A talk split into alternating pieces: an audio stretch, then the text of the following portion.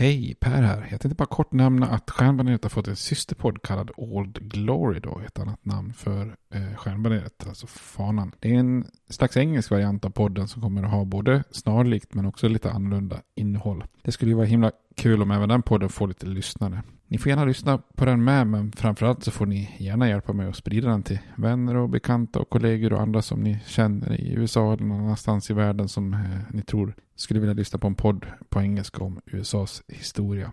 Tack, det var bara det jag ville säga. Nu kommer avsnittet. Hej då! Hiring for your small business? If you're not looking for professionals on LinkedIn, you're looking in the wrong place. That's like looking for your car keys in a fish tank. LinkedIn helps you hire professionals you can't find anywhere else, even those who aren't actively searching for a new job but might be open to the perfect role. In a given month, over 70% of LinkedIn users don't even visit other leading job sites. So start looking in the right place. With LinkedIn, you can hire professionals like a professional. Post your free job on linkedin.com slash people today. Hey, it's Danny Pellegrino from Everything Iconic. Ready to upgrade your style game without blowing your budget? Check out Quince. They've got all the good stuff, shirts and polos, activewear and fine leather goods, all at 50 to 80% less than other high-end brands. And the best part? They're all about safe, ethical and responsible manufacturing. Get that luxury vibe without the luxury price tag. Hit up quince.com slash upgrade for free shipping and 365 day returns on your next order. That's quince.com slash upgrade. Hey, it's Ryan Reynolds, and I'm here with Keith, co star of my upcoming film, If, only in theaters, May 17th. Do you want to tell people the big news? All right, I'll do it. Sign up now and you'll get unlimited for $15 a month in six months of Paramount Plus Essential Plan on us. Mintmobile.com slash switch. Upfront payment of $45 equivalent to $15 per month. Unlimited over 40 gigabytes per month. Face lower speeds. Videos at 480p. Active Mint customers by 531.24 get six months of Paramount Plus Essential Plan. Auto renews after six months. Offer ends May 31st, 2024. Separate Paramount Plus registration required. Terms and conditions apply if rated PG.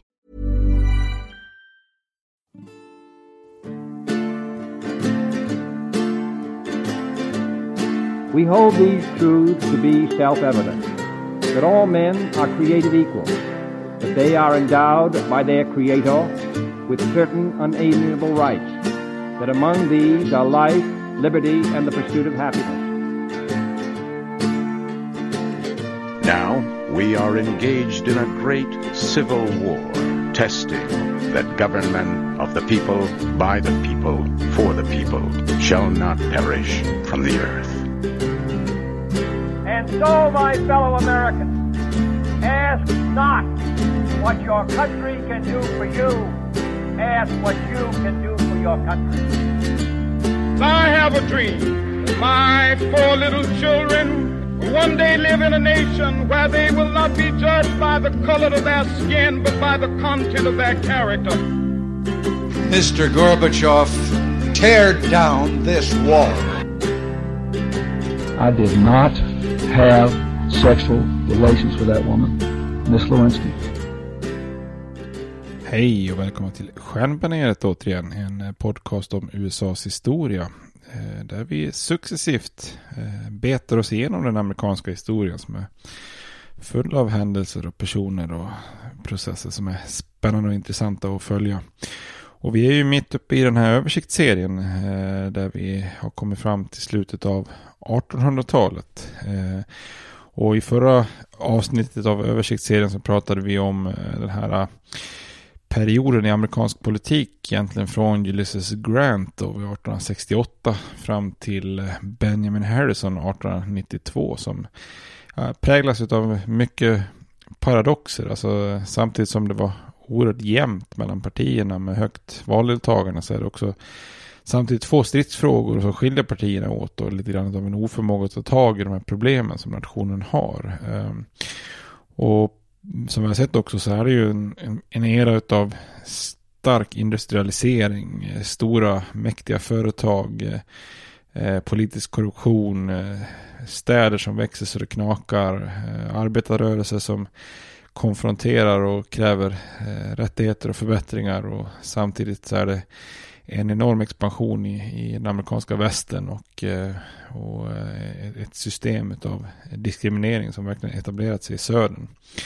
Eh, Så att det finns ju en hel del, del problem i, i landet vid den här tiden då.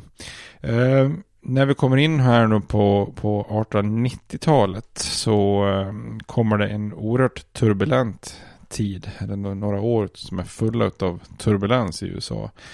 Eh, som vi kommer att se så gör väldigt många jordbrukare, både i söder och, syden och södern och i västern, lite revolt. Eh, det skapas ett nytt parti som utmanar de här två etablerade demokraterna och republikanerna. Och det kommer en ekonomisk kris som liksom ställer många frågor på sin spets. Så att nu ska vi gå in och prata lite om jordbruksrevolt och populister och lite valutakris i det här avsnittet.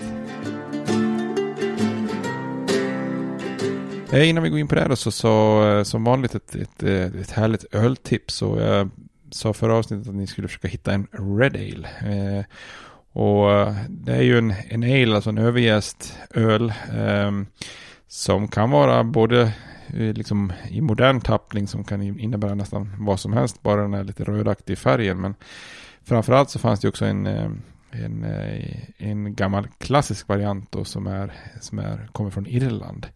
Eh, och det här med, alltså många öl är ju ändå väldigt ljusa kanske fram till kopparfärger eller också är, man, är de ganska mörka, bruna till svarta. Men det finns ju också sånt där litet mellanregister på färgskalan med, med, röda öl som jag personligen tycker är väldigt läckra då. Och den stil man tänker på rent historiskt är kanske framförallt irländsk eh, Red Ale.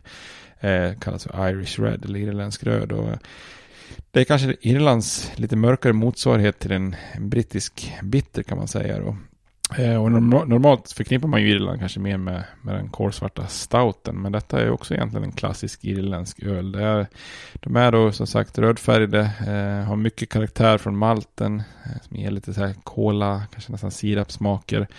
Eh, kanske någon liten, liten lätt ton av, av rostat. Eh, humlen ger inte sådär jättemycket karaktär. Det är oftast låg beska, alltså ganska söt öl. Och, eh, humlaromen är lite nedtonad. Väldigt trevlig drickbar ölsort men, men också kanske aningens ovänt, eller ovanlig eh, idag då. Och man kan säga generellt kan man ju få röd färg på två sätt. Ena kör man med mycket mörk basmalt och tillsammans med mörkare karamellmalter och så, så kan man göra Eh, en, en mörk öl. Eller också kör man en, en öl som är väldigt mycket ljusa malter och så slänger man bara in helt enkelt någon enstaka procent av väldigt hårt rostad malt. Och irländarna, irländarna kör ju på den sista varianten, alltså det som ger färgen är ju omältat rostat korn, alltså samma ingrediens som man kör väldigt hårt med i irländsk eh, torr stout. Då. Eh, men det är en trevlig öl man får tag på. Väldigt, eh, väldigt god. Och eh, det mest, de kanske mest klassiska exemplen är Smithwicks Red och Red Ale och Murphys Irish Red. Får man tag på någon, någon av dem så är det ju kanon alltså. Kilkenny brukar räknas som en sån här Irish Red. Den är ju lite ljusare tycker jag i färgen än, än den klassiska röda då. Det finns också O'Haras Irish Red och McGargles Granny's Red Ale som också har funnits i, för inte så länge sedan i alla fall på systemet då. Eh, det finns som sagt få svenska. Eh, jag såg att Helsingborgs bryggeri hade en Evil Red som skulle beskrevs som en irländsk eh, röd. Men annars får man försöka hitta något av originalen. Inte någon sån här jättehet stil i dagens hantverksöls-Sverige. Då. Nästa avsnitt tänkte jag vi skulle gå igenom Strong, Strong eller Premium Bitter, eller även kallad ESB. Eh, och där finns det den klassiska Fullers ESB som man gott och väl kan få tag på, på nästan överallt. Eh, man kan också gå med någon sån här klassik, klassiker Bishops Finger eller Old Speckled Hen eller någon svensk som Oceaning, engelsk Pale Ale eller eh, Närkes Örebro Bitter kan man också testa.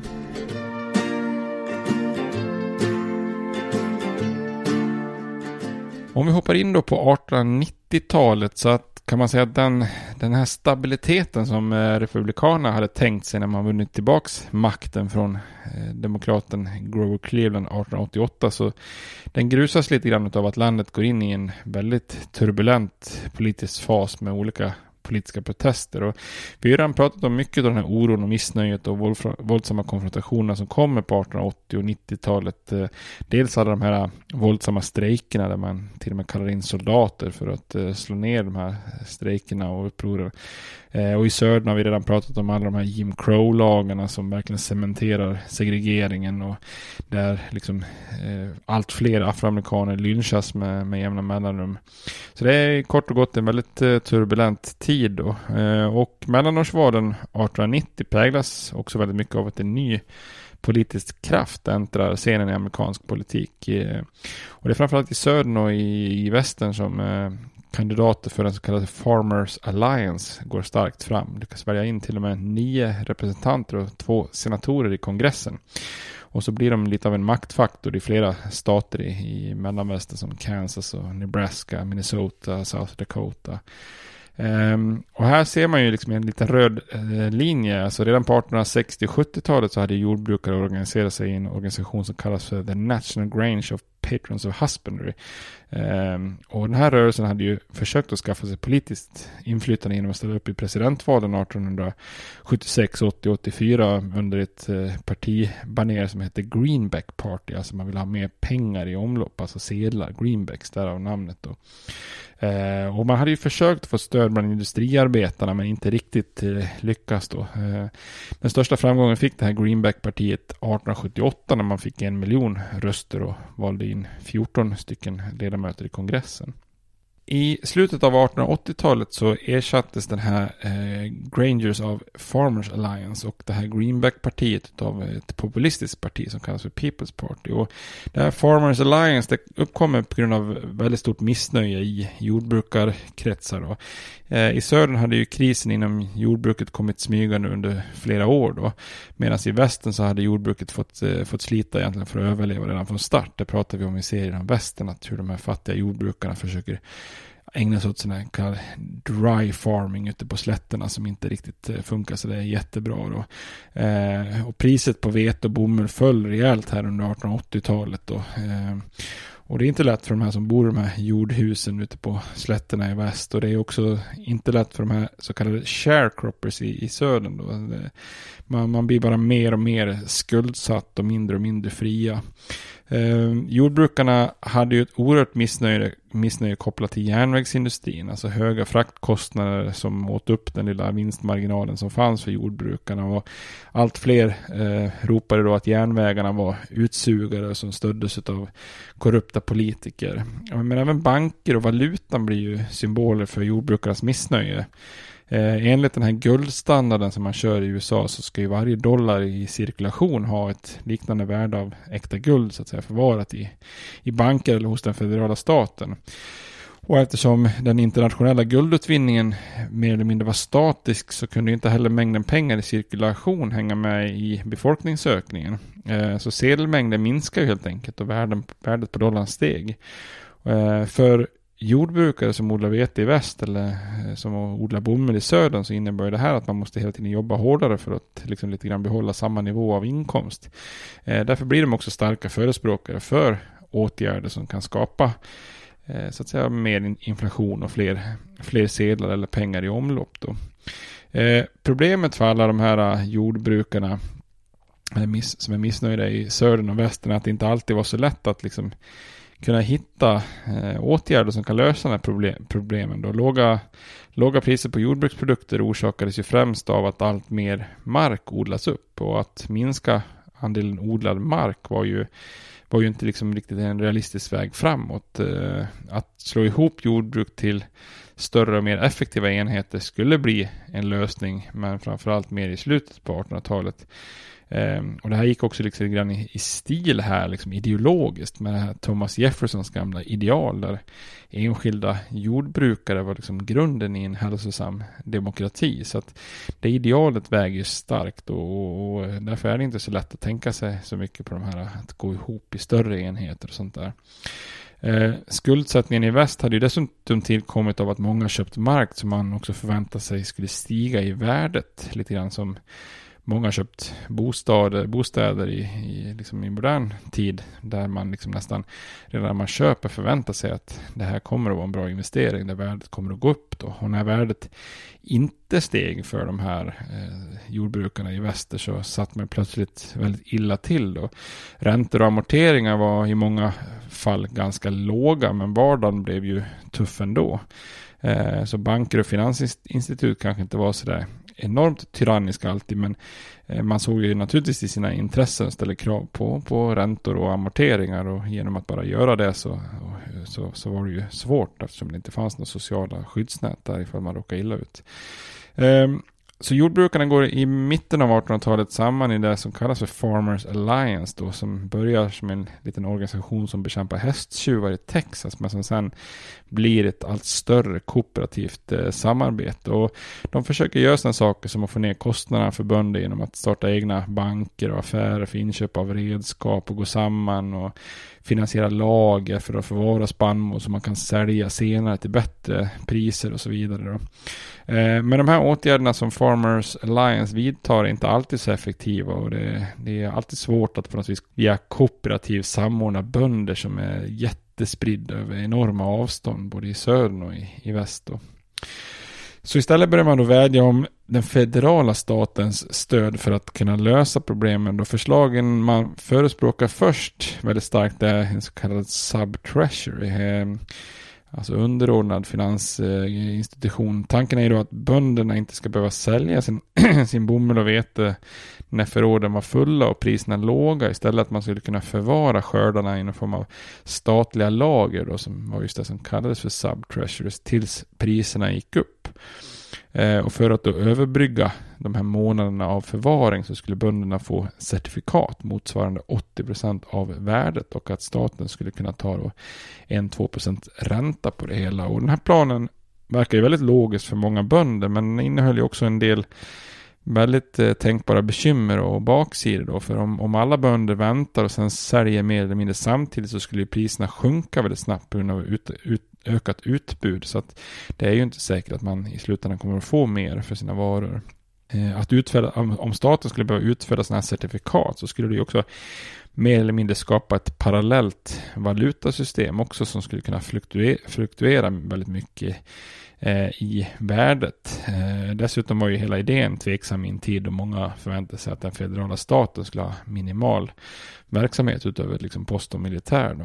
Och det här kan nästan liknas lite grann med hur det var förr. Alltså, går man tillbaka till och med till den koloniala tiden så var det ju så att eh, till exempel eh, tobak var ju eh, var ju liksom det som odlades till exempel i Virginia och där var det ju mycket så att det fanns certifikat som, som innebär att du, hade, du ägde tobak och då, då blev det i princip att fungera som en alternativt valuta och att man i princip fick betalt i sina tobakscertifikat. Så att eh, alla, alla den här typen av certifikat blir ju som en alternativ valuta. Eh, och alla samlingar av bönder och tal och organiserandet ihop då de här konkreta politiska förslagen eh, börjar ju då kratta i manegen och bana vägen då för ett tredje politiskt parti i USA. Och den 4 juli, naturligtvis lite symboliskt, eh, 1892 höll man ett första partikonvent i Omaha, Nebraska, som ju naturligtvis då är eh, ett av centrum för det här missnöjet och eh, där många kämpar på Eh, med, med, inom jordbruket. Eh, det här partiet fick officiellt då namnet People's Party, alltså Folkpartiet egentligen. Då. Men i folkmun så, så fick, fick man namnet det populistiska partiet och man kallas allmänt för populister. Då. Eh, inför presidentvalet eh, samma år då så nominerades James Weaver till presidentkandidat. Han hade tidigare varit kandidat för det här Eh, Greenback-partiet som jag nämnde innan. Då. Eh, och man antar ett partiprogram då eh, som hårt kritiserade eh, böndernas villkor. Eh, och när man såg att den här tanken om subtreasury inte riktigt kom någon vart i kongressen så gick man över till ett annat förslag. och det var ju då att använda silver för att prägla mynt och skapa mer valuta i omlopp. alltså att nationen ska basera sin valuta på två metaller, både silver och guld. Det här skulle bli vanligt under 1900-talet, så vid den här tiden så var det ett väldigt kontroversiellt beslut och många trodde att det skulle ge en skenande inflation då. Eh, och så. Eh, bland de övriga förslag som partiet ha hade då så fanns eh, förslag om att förbjuda privata banker, vilket då sågs som onda, eh, onda aktörer. Eh, men också att staten skulle ta över äga ägandeskapet av järnvägar, te telegrafer, telefonlinjer, alltså lite ja, lite SJ Televerk-tanke då. Eh, och det var ju för att man tyckte att järnvägen eh, hade alldeles för dyra priser till exempel. Då. Eh, vidare så förespråkar man också en, en slags progressiv inkomstskatt Eh, men också faktiskt eh, bland de första som började lyfta fram sådana här saker som konstitutionell ändring så att senater ska väljas direkt av folket och inte av de lagstiftande församlingarna då, vilket skulle kunna då minska makten hos konservativa krafter där, för vid den här tiden så väljs ju fortfarande senater eller senatorer indirekt. Eh, vissa populister var kanske mer av vad vi skulle kalla för den här lite mer råa formen av populism som finns eh, även idag då. Alltså antisemitiska, anti-afroamerikaner, anti-etablissemanget, anti-Wall Street, anti-intellektuella så att säga. Eh, andra populister var kanske mer seriösa i att faktiskt på något vis adressera tidernas riktiga problem eh, och utgjorde därför liksom en, ytterligare en av de här utmaningarna till det industriella kapitalistiska USA som, som uppstått på 1880-talet.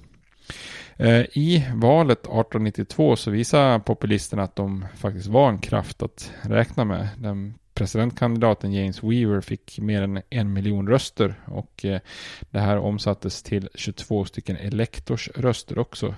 Det är ju så oftast med kandidater som är regionalt starka, då kan man också börja vinna elektorsröster eftersom det, man eh, har den här principen om vinnaren tar allt så att säga.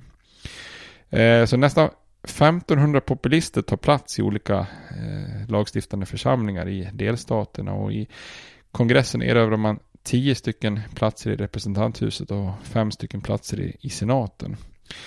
Eh, så att här ser man ett parti som är, verkligen är på uppgång. Men det fanns också lite sprickor i, i vad ska man säga, sprickor i grunden, eller eh, fasaden, jag på säga, men grunden kanske låter bättre.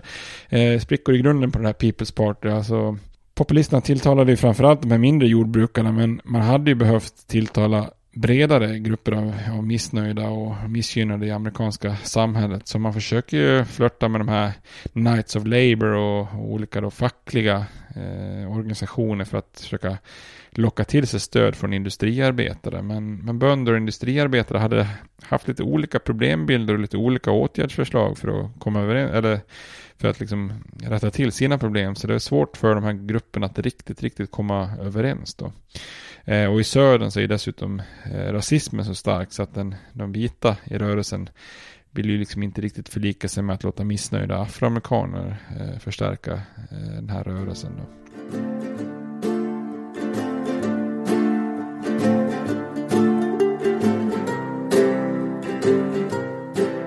Så tittar vi på Eh, presidentvalet 1892 då, så började ju republikaner och demokrater med fasa se då hur det här nya partiet som grundats ett par år tidigare, People's Party, populisterna, eh, de börjar bli, bli farliga här. Så att nu börjar de etablerade partierna bli nervösa inför partivalet 1892. Eh, republikanerna bestämmer sig för att eh, nominera om den sittande presidenten Benjamin Harrison, även om den här kända James Blaine gör en liten sista utmaning på, på konventet för att få bära partiets fana så att säga. Men man nominerar om Benjamin Harrison och, och betonar den här tullfrågan eh, väldigt, väldigt hårt. Så det blir nästan, Republikanerna blir nästan som ett slags enfrågeparti vid den här tiden. Det är bara liksom höga tullar som är den enda frågan som liksom dominerar egentligen. Då.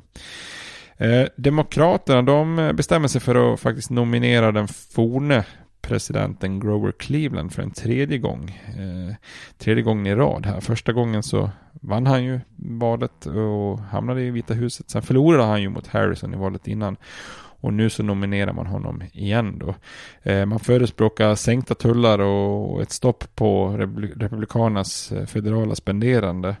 Och även om Cleveland själv förespråkar den här guldstandarden för valutan så, så låg han ganska lågt och höll ganska tyst om det här för att inte stöta sig då med demokrater i väst och södern där man börjar ifrågasätta den här guldstandarden och började förespråka silver som valuta då. Så att här ligger han otroligt lågt. Det här är ju alltså, vi snackar 1892 så det är inte direkt tv-debatter och inte så att eh, eventuella kommentarer sprids eh, som en löpeld över, över sociala medier så att det går ju att ligga lite lågt här eh, utan, utan problem egentligen. Eh, I vissa delstater i väst och södern så, så slöt demokrater och populister lite så här dealer som eh, innebar att man informellt slog ihop sina kampanjer och att man kanske ibland då lät demokraterna vinna presidentvalet och kongressval medan populisterna fick vinna på, på delstatsnivå för att liksom kontra republikanerna. Eh, själva presidentvalskampanjen 1892 blev en relativt eh, lugn sån jämfört med, med valet innan där när det var väldigt mycket eh, smutskastning och sånt där. Eh, men det är ju samtidigt också så att många i, i de här etablerade partierna är oroade för vilket stöd populisterna ska kunna få då. Eh, för det är ju en våg av våldsamma strejker och missnöje som sveper över landet. Eh, de värsta har vi redan pratat om i tidigare avsnitt. Det är ju de här åren som den här till exempel Homestead-strejken eh, inträffade i Pittsburgh där det nästan ett regelrätt slag mellan nationalgarden som kallas in då eh, för att rädda belägrade säkerhetsstyrkor och, och arbetare som beväpnar sig.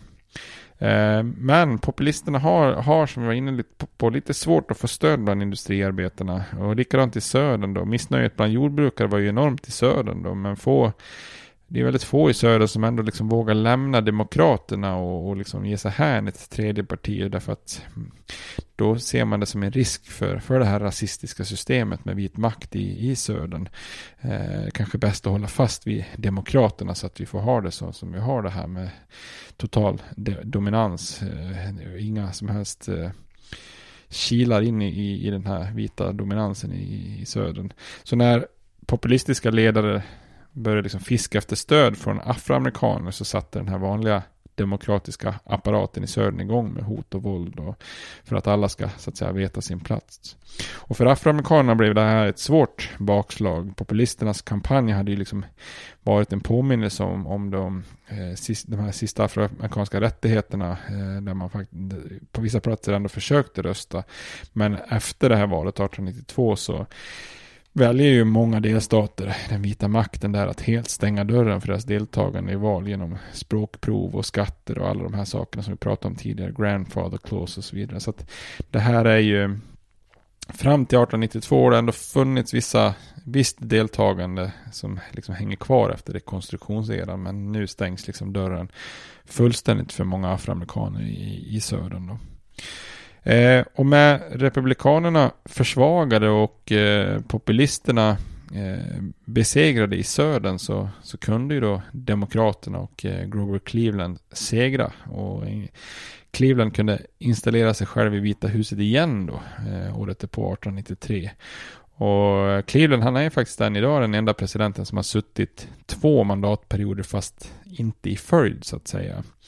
Eh, så det är lite unikt faktiskt. Eh, det gör ju också lite grann att han sabbar den här ordningsföljden. Han är ju då så att säga både landets 22 och 24 president då med Harrison inklämd emellan som den 23. Och det här är ju Amerikanerna är ju väldigt noga med det här med att hålla ordning. Det är ju alltifrån att man, man numrerar kongressen så här hela tiden till en, det är liksom den, den 54 kongressen, den 70 i andra kongressen. Och det ser man ju även faktiskt i sport, till exempel Super Bowl. Det ska vara liksom romerska siffror, det är Super Bowl nummer. Mm.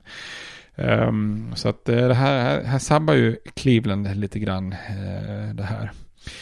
Men även om samma gamla gode Cleveland är tillbaka i Vita huset för en andra gång så är det inte riktigt samma land som han ska styra över då. Uh, i, i väst och söder är ju bönderna på krigsstigen och industriarbetare låg ju mer eller mindre i krig då med vissa ägare. Eh, och dessutom som plåster på såren höll på att säga, men som grädde på moset så är då landet på väg in i en ganska skarp ekonomisk kris. Eh, Cleveland hinner knappt sätta ner rumpan i Vita huset förrän eh, paniken 1893 inträffar. Och under kommande fyra år så skulle då USA genomlida den värsta ekonomiska krisen under hela 1800-talet. Eh, och det är jättemånga orsaker till det här. Det hade ju byggts betydligt mer än vad som plötsligt, vad som plötsligt efterfrågas. Och eh, det hade varit en ekonomisk spekulation som varit vild. Eh, och de här konflikterna på arbetsmarknaden hade blivit oroväckande många samtidigt som jordbruket gått in i en depression.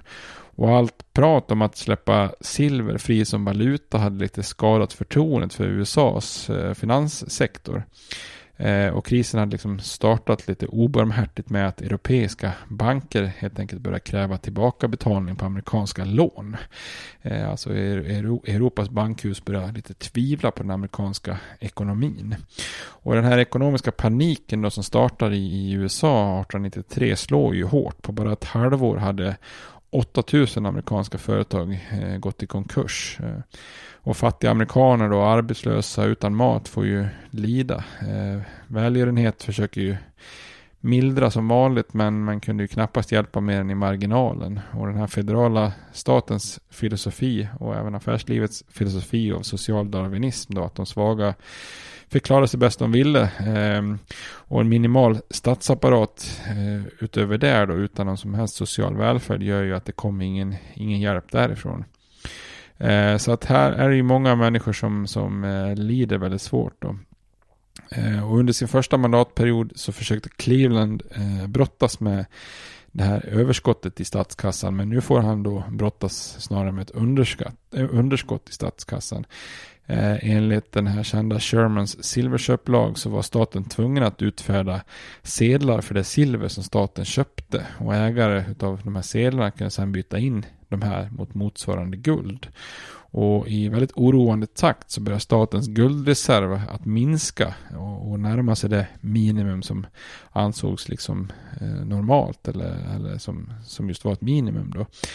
Eh, och Cleveland valde att kalla in kongressen i ett extra sammanträde för sommaren 1893 för att rösta bort den här lagen då. Eh, och det, är det här med att kalla in kongressen i ett extra sammanträde görs ju oftast bara i tider av kris. Eh, och i samma veva här, i samma veva tvingas Cleveland faktiskt också operera bort en elakartad knöl i munnen, vilket gjordes i all hemlighet ombord på en privat lyxbåt. Och här är ju många som har spekulerat sen så här, eh, Tänk om eh, historiska utvecklingar. Tänk om Cleveland hade dött där. Då hade den här krisen kunnat blivit eh, ännu mycket värre då. Eh, men att återkalla den här Shermans eh, silverköpslag eh, kunde liksom inte stoppa utflödet av guld i statskassan. Och landet var ju började närma sig då oerhört nära eh, nivån att man måste överge guldstandarden för valuta.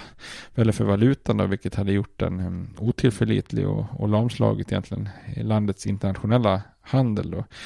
Eh, och i desperation så vände sig då den demokratiska presidenten Cleveland till den här kända finansmannen JP Morgan som vi pratat om tidigare. Han som alltså köpte Carnegies stålindustri för rekordsummor och ja, man, man brukar säga Morgan var den här tidens liksom bank, bankernas bankir liksom. Eh, och, och, Morgan och några ytterligare då inflytelserika bankdirektörer gick med på eh, efter förhandlingar då att, att låna ut guld till staten. Eh, Eh, som på, till ett värde av 65 miljoner dollar då, i utbyte mot en ränta som sen skulle ge dem 7, 7 miljoner i vinst. Och den här åtgärden kunde ju äntligen lugna ner statsfin statsfinanserna och det här flödet av, av guld. Då.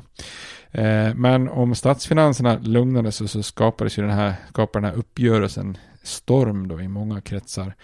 Eh, bland de som förespråkar silver som valuta så, så, så såg man den här uppgörelsen som själva symbolen för allt som var fel med amerikansk ekonomi. Då. Den nationella politiska makten hade liksom sålt sin själ till big business. Alltså verkligen eh, en riktig sellout då för, för, för Cleveland. Eh, att, att göra en upprå, uppgörelse med rånarbaronernas rånarbaron var inte någonting som många tog, tog med lätthet om man säger så. Eh, nästa bakslag då för, för Cleveland var ju när kongressen röstade igenom eh, eh Wilson-Gorman-tullarna 1894. Då. På, på sin väg genom kongressen så har den här lagen om, om nya tullar utvattnas av olika kompromisser och sådana här så kallade pork barrels, alltså fläskben, när man försöker blidka lite olika specialintressen eller speciella regioner eller så för att få stöd för en lagstiftning då. Eh, Eh, och då har man urvattnat det här tullförslaget så att det knappt innebär någon som helst förändring av de här tidigare McKinley-tullarna. Men trots det så gav en missnöjd Cleveland lagen sitt godkännande och då, då helt plötsligt så utsattes han för ännu mer kritik då. Och en del i den här lagen var också att 2% eh, en, en 2% i federal inkomstskatt på alla inkomster över 4 000 dollar. Eh, men den här skatten var dock enligt en dom i Högsta domstolen inte förenlig med paragraferna i konstitutionen om direkta skatter. då. så Högsta domstolen förklarar den här ogiltig. Så inte förrän efter det 16 tillägget i konstitutionen 1913 så kan man rösta igenom en liknande skatt. Då. Och i ögonen på populisterna så var ju det här bara ett bevis att domstolarna var ytterligare ett verktyg för den rika eliten. Alltså det, det går liksom inte ens att rösta igenom en, en, en, eh, en inkomstskatt för, för höginkomsttagare. Eh, tullfrågan då och de här ekonomiska, den här ekonomiska depressionen gjorde att Demokraterna i mellanårsvalen besegrades rejält av Republikanerna som fick en majoritet i representanthuset på 244 ledamöter mot Demokraternas 105. Så det är en ganska rejäl eh, ganska rejäl eh, majoritet då. Eh, och i den här turbulenta tiden av uppror från jordbrukare och arbetare med populister som utmanar om makten genom det här People's Party så var det då dags för landet att hålla ett eh, nytt presidentval 1896.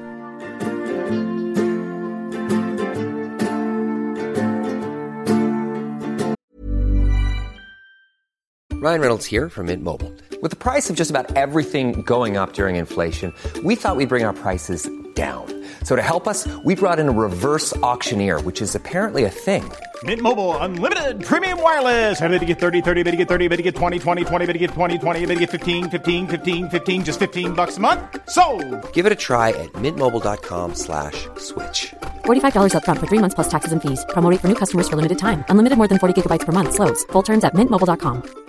I'm Sandra, and I'm just the professional your small business was looking for. But you didn't hire me because you didn't use LinkedIn jobs. LinkedIn has professionals you can't find anywhere else, including those who aren't actively looking for a new job but might be open to the perfect role, like me. In a given month, over 70% of LinkedIn users don't visit other leading job sites. So if you're not looking on LinkedIn, you'll miss out on great candidates like Sandra. Start hiring professionals like a professional. Post your free job on linkedin.com/people today.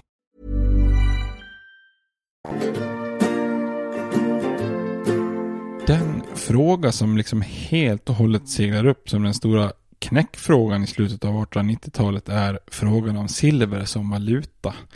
Eh, och för oss idag är det kanske lite svårt att förstå hur många på den här tiden kunde lägga så enormt stor vikt vid det här och tro att liksom silvermynt och sånt skulle kunna lösa liksom alla problem. Eh, ja, silver liksom ses som någon slags allmängiltig eh, generell problemlösare.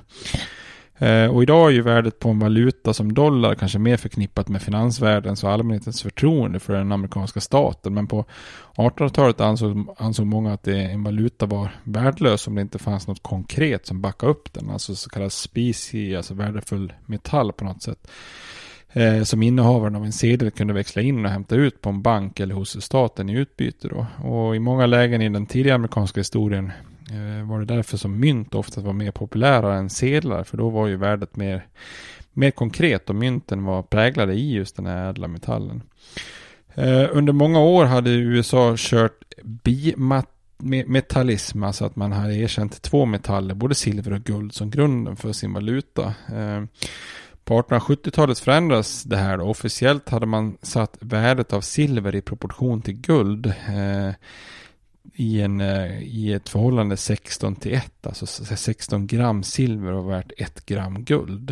Eh, men i takt med, med guldfyndigheter i, och, så, så förändras marknadsvärdet. Eh, eller i, i, takt med både guld och silverfyndigheter så ändras ju marknadsvärdet. Och när marknadsvärdet på, på silver var högre än 16,1 så börjar, eller 16 till 1 så börjar innehavare istället sälja sitt silver som smycken eller liknande till ett högre pris än att låta staten göra mynt av det.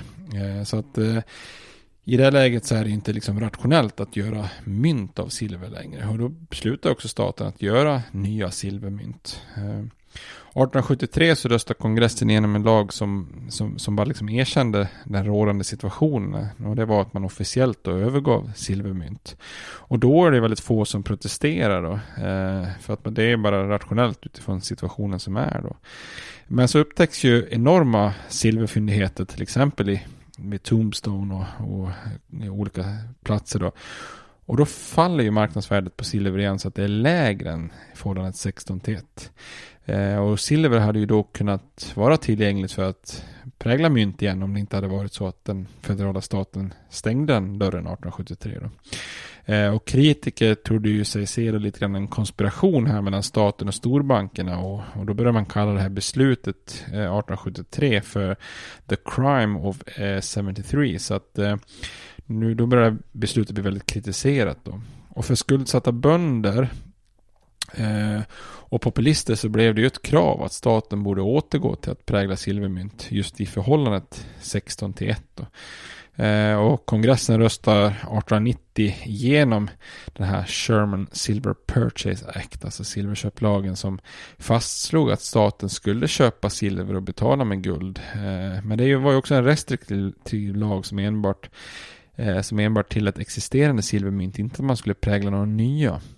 Eh, och president Cleveland han sitter lite i rävsaxen när guldreserverna börjar sina. Kongressen hade ju med en splittrad demokratisk falang eh, hävt eh, Shermans silverköplag. Inför valet 1896 så tänkte republikanerna motsätta sig utfärdandet av silvermynt. Eh, populisterna förespråkade ju silvermynt eh, och Demokraterna var lite splittrade. Eh, och nu är det liksom lite dags för en, en, en liten showdown gällande silverfrågan. Eh, så den stora frågan i det här valet blir ju, ska, ska landet stå fast vid guldstandarden eller skulle man då skapa någon form av inflation av valutan eh, genom att prägla eh, mer silvermynt. Så man kan säga att silver i valutan hade, det, det låter ju för oss väldigt mycket som en finansiell fråga, men här hade det blivit en nästan närmare religiös fråga. Här, otroligt liksom ideologiskt förknippad och, och sedd som någonting som skulle kunna påverka samhället i stort. Då. Med Demokraterna splittrade så kände ju då Republikanerna lite segervittring inför presidentvalet 1896. Eh, och en av de viktigaste så här, partibossarna som heter Marcus Hanna, så han lyfte fram en person som heter William McKinley som kandidat. Eh, McKinley hade varit guvernör i den viktiga delstaten Ohio eh, och eh, låg också bakom, var upphovsman till till det här tullförslaget som kallas just för McKinley-tullarna som var väldigt populärt bland republikanerna. Eh, Demokraternas konvent var ovanligt eh, tumultartat i, i den här tiden då. Eh, naturligtvis inte riktigt eh, lika tumult som, som kanske 1860 när partiet splittrades eller, eller 1968 efter mordet på Martin Luther King och, och Robert Kennedy men, men ändå relativt tumultartat. Eh, Cleveland var ute ur leken. Eh, han hade ju med den här uppgörelsen med finansvärlden och så vidare gått och blivit antagligen en av de mest illa omtyckta männen eh, vid den här tiden då. Eh, arbetare hatade honom för att han hade satt in federala trupper för att sanera ner den här Pullman-strejken. Eh, populisterna föraktade honom då för att han har gjort den här uppgörelsen och sålt sin själ till JP Morgan. Och många inom det demokratiska partiet såg honom som en en väldigt envis och ultrakonservativ person gällande just den här valutafrågan som, som nu blir så viktig. Där han liksom när, nästan låg närmare republikanerna än, än många demokrater. Eh, och demokrater från västern och södern kände att nu måste vi ha kontroll över partiet från de här konservativa i den norra och nordöstra delen av landet. Annars riskerar vi ju att tappa enormt med mark då till People's Party och populisterna som förespråkade silver. Ehm, så den viktigaste frågan var ju naturligtvis silverfrågan. Man behövde ha en kandidat som står upp för partiet i den här frågan. Eh, konservativa anhängare från, från öst som i, i det demokratiska partiet som fortfarande förespråkar guldstandard såg länge ut att ha greppet om partikonventet fram tills dess att en Eh, stilig 36-årig kongressledamot från just Nebraska höll sitt tal. Eh, och, och nu pratar vi om eh, William Jennings Bryan då. Och det här är en man som vi kommer att prata betydligt mer om i, kommande avsnitt då. Men han håller i alla fall ett tal här på konventet. Det brukar kallas för hans Cross of Gold-tal som är ett av de mest berömda i amerikansk politisk historia då. Och med en oerhört kraftfull röst så talar sig då William Jennings Bryan varm för silvervaluta och menar att stora delar av folket stod bakom Demokraterna i den här frågan. Och avslutningen gav lite bevingade ord som till exempel You shall not crucify mankind upon a cross of gold. Eh, och han var så pass duktig talare att han gjorde skäl för sitt smeknamn The Boy Orator of eh, Platty. Och han eh, han är ju, kom ju också lämpligt nog från Nebraska där, där missnöjet är kanske som, som störst då. Så efter det här brandtalet blev ju Brian lite grann av partiets eh, Moses kan man säga. Dagen efter så nomineras Brian till presidentkandidat eh, i, i en femte omröstningsrunda. Eh, och konventet antar också en valplattform som förespråkar silver som valuta utifrån den här gamla kvoten 16 till 1. Då, trots att marknadsvärdet snarare låg 32 till 1 och att silverdollar då skulle vara värda bara 50 procent egentligen. Då. Eh, en minoritet av konservativa demokrater ansåg att populisterna liksom stulit deras parti och Eh, ungefär så som många republikaner anser att eh, Donald Trump har stulit det republikanska partiet och så som vissa demokrater kanske tycker att Bernie Sanders försöker sno det demokratiska partiet. Eh, och de vägrar finna sig i det här och de ställer faktiskt upp under namnet National Democratic Party. Och de menar att det är National Democratic Party som är de rätta arvtagarna från Jefferson och Jackson och Cleveland. Eh, Eh, och tanken var egentligen att nominera Cleveland igen faktiskt. Men han, han ville inte så det fick bli en annan kandidat. Men det gick inte så säkert bra i det här valet. De fick knappt eh, en procent. Många konservativa demokrater hoppades nästan snarare i smyg att eh, republikanen McKinley skulle, skulle vinna då. Och precis som demokraterna i väster och söder hade hoppats på så skapar ju det här ett problem för People's Party. Eh, de här populisterna hade ju hoppats att båda de etablerade partierna skulle nominera klassiskt konservativa kandidater och valplattformar. Och då hade ju de kunnat fånga alla röster från de här missnöjda grupperna som förespråkar silver. Eh, så man kan säga att Demokraterna hade liksom lite grann stulit deras program. Eh, så inom People's Party fick man ju nu välja mellan liksom två onda ting. Ändra nominerar man en egen kandidat med exakt samma program som Brian och konkurrera, konkurrera om samma väljare som Demokraterna. Eh, vilket ju säkert skulle då ge en given republikansk seger som följd. Eh, eller så ställer man sig bakom Demokraterna och Brian i ett försök att eh, då den vägen vinna just i sin hjärtefråga som handlar om silver. Men då med den givna följden av att hela partiidentiteten lite grann offrades och partiet i värsta fall skulle förintas. Eh, I slutändan så valde man att frågan om silver ändå var viktigare än frågan om partiet och så ställer man sig då helt enkelt bakom Demokraterna och eh, Brian. Så man kan säga att Eh, Eh, William Jennings Bryan och eh, Demokraterna nästan är i en slags koalition de här, de här populisterna i det här parti, eller i det här presidentvalet 1896 då. Eh, och den här kampanjen 1896 skapar lite panik i den konservativa eliten. Eh, affärs och finansvärlden pumpar in massvis med pengar till Republikanerna eftersom de fruktar en, en Bryan-seger. Eh, McKinley han kör en sån här klassisk stanna hemma-move och, och lät den här slipade partistrategen och bossen Marcus Hanna sköta kampanjen med, med budskap som till exempel Stop Bryan, Save America. Men William Jennings Bryan, han bröt faktiskt mot den här traditionen som har funnits då, att man eh, stannar hemma som kandidat och, och ligger lågt. Utan han Eh, åker runt och kampanjar personligen då extremt stenhårt, alltså det vi egentligen ser i moderna val då. Eh, så han blir den första presidentkandidaten i USAs historia att hålla valtal i, i varje del av landet. Eh, han reser Reste under kampanjen har någon räknat ut då 2800 mil och talade till 5 miljoner människor har man uppskattat och totalt över 600 tal. Eh, det fanns någon rekorddag då han höll 36 tal på en och samma dag. Så att han, han kampanjar oerhört aktivt då. Eh, men dessutom så blir det förgäves för på valdagen så kunde eh, William McKinley inkassera 51,1% av rösterna då, mot 47,7 för Brian, vilket då gav 271 elektorsröster mot 176.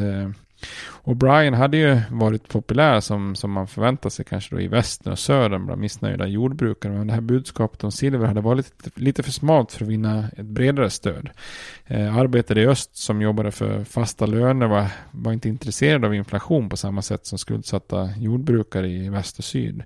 Eh, utan där var man snarare rädd om, och, rädd om jobben och villiga att rösta på den som var bra för industrijobben allmänt. Då. Och bland demokrater så det här, var ju det här valet eh, en chock. Eh, man anklagade ju, och kanske då med viss rätta också, eh, Marcus Hanna för att mer eller mindre ha köpt segern åt McKinley och satt honom i, i Vita huset bokstavligt talat på en våg av, av pengar och smuts och korruption då. Så att eh, han kallas då för eh, Marcus Dollar Mark Hanna. Eh, då.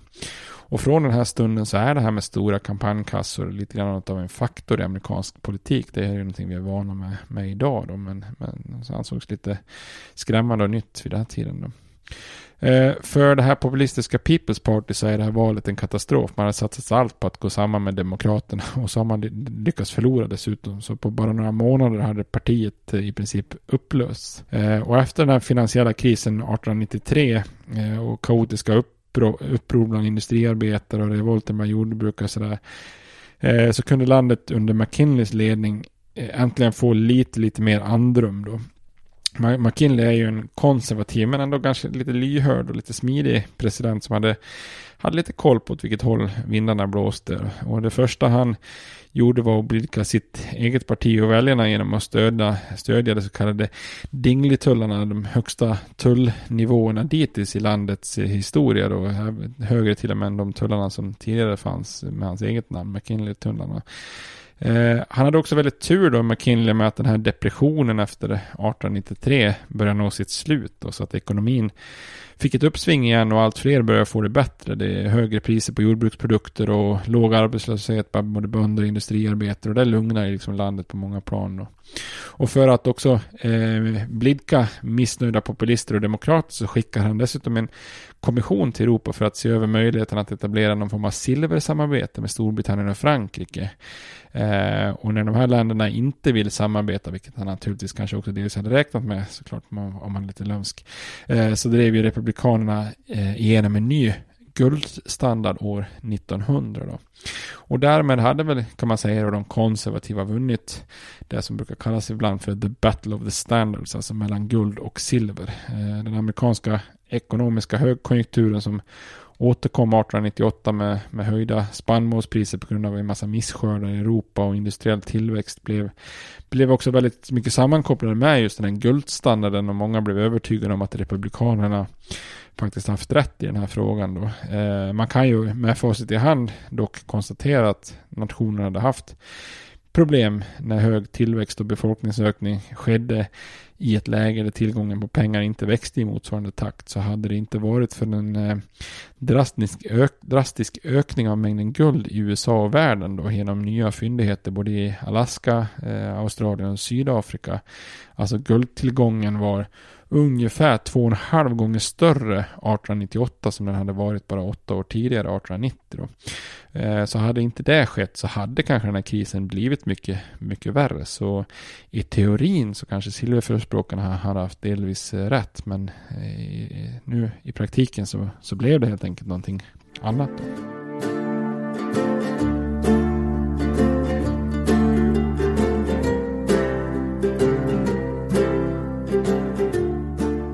Så, man kan väl sammanfatta det här då att det här valet 1896 det blir lite av en vändpunkt när landet går in i en ny fas då. Det var ju en stor seger för industrimagnaterna, de här stora städerna, medelklassvärderingar och finansiell konservatism då. Eh, man kan säga att William Jennings Bryans kampanj var det sista försöket att vinna ett presidentval med, med bara jordbrukare som, som väljarbas.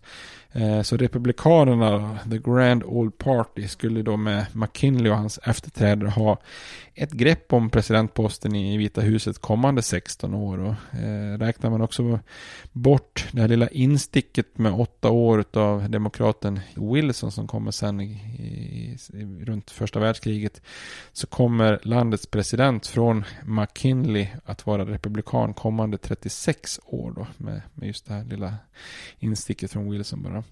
Eh, så valet av McKinley inleder en ny politisk era kan man säga. Det politiska deltagandet skulle inte alls vara lika högt och partiorganisationerna skulle försvagas. Eh, frågor som varit viktiga under den här eh, förgyllda eran som valuta och reformer av utnämningssystem av tjänstemän i statsapparaten och så vidare får ge vika för nya frågor som att reglera, reglera industri och välfärd för arbetare och sånt där.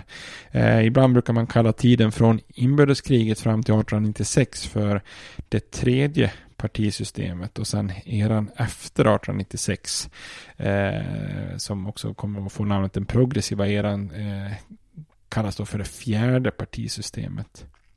Eh, en annan sak som hjälpte McKinley lite grann och lindrade missnöjet eh, var ju också att landets fokus började successivt flytta till utrikespolitiken.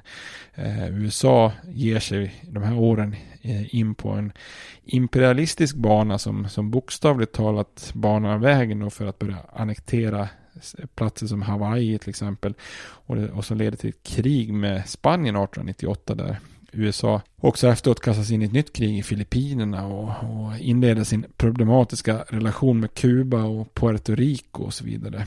Eh, Så att här kommer ju eh, USA ta sina första trevande steg på, på världsscenen som en eh, stormakt. Eh, men jag tänkte att det får vi ju ta i kommande avsnitt. Så tills dess får ni ha det bra. Hej då! States like these and their terrorist allies constitute an axis of evil. And if the hippies and the yippies and the disruptors of the systems that Washington and Lincoln as presidents brought forth in this country will shut up and work within our free system of government, I will lower my voice. If the impeachment provision in the Constitution of the United States will not reach the offenses charged here, then perhaps that 18th century Constitution should be abandoned to a 20th century paper shredder. Therefore, I shall resign the presidency effective at noon tomorrow.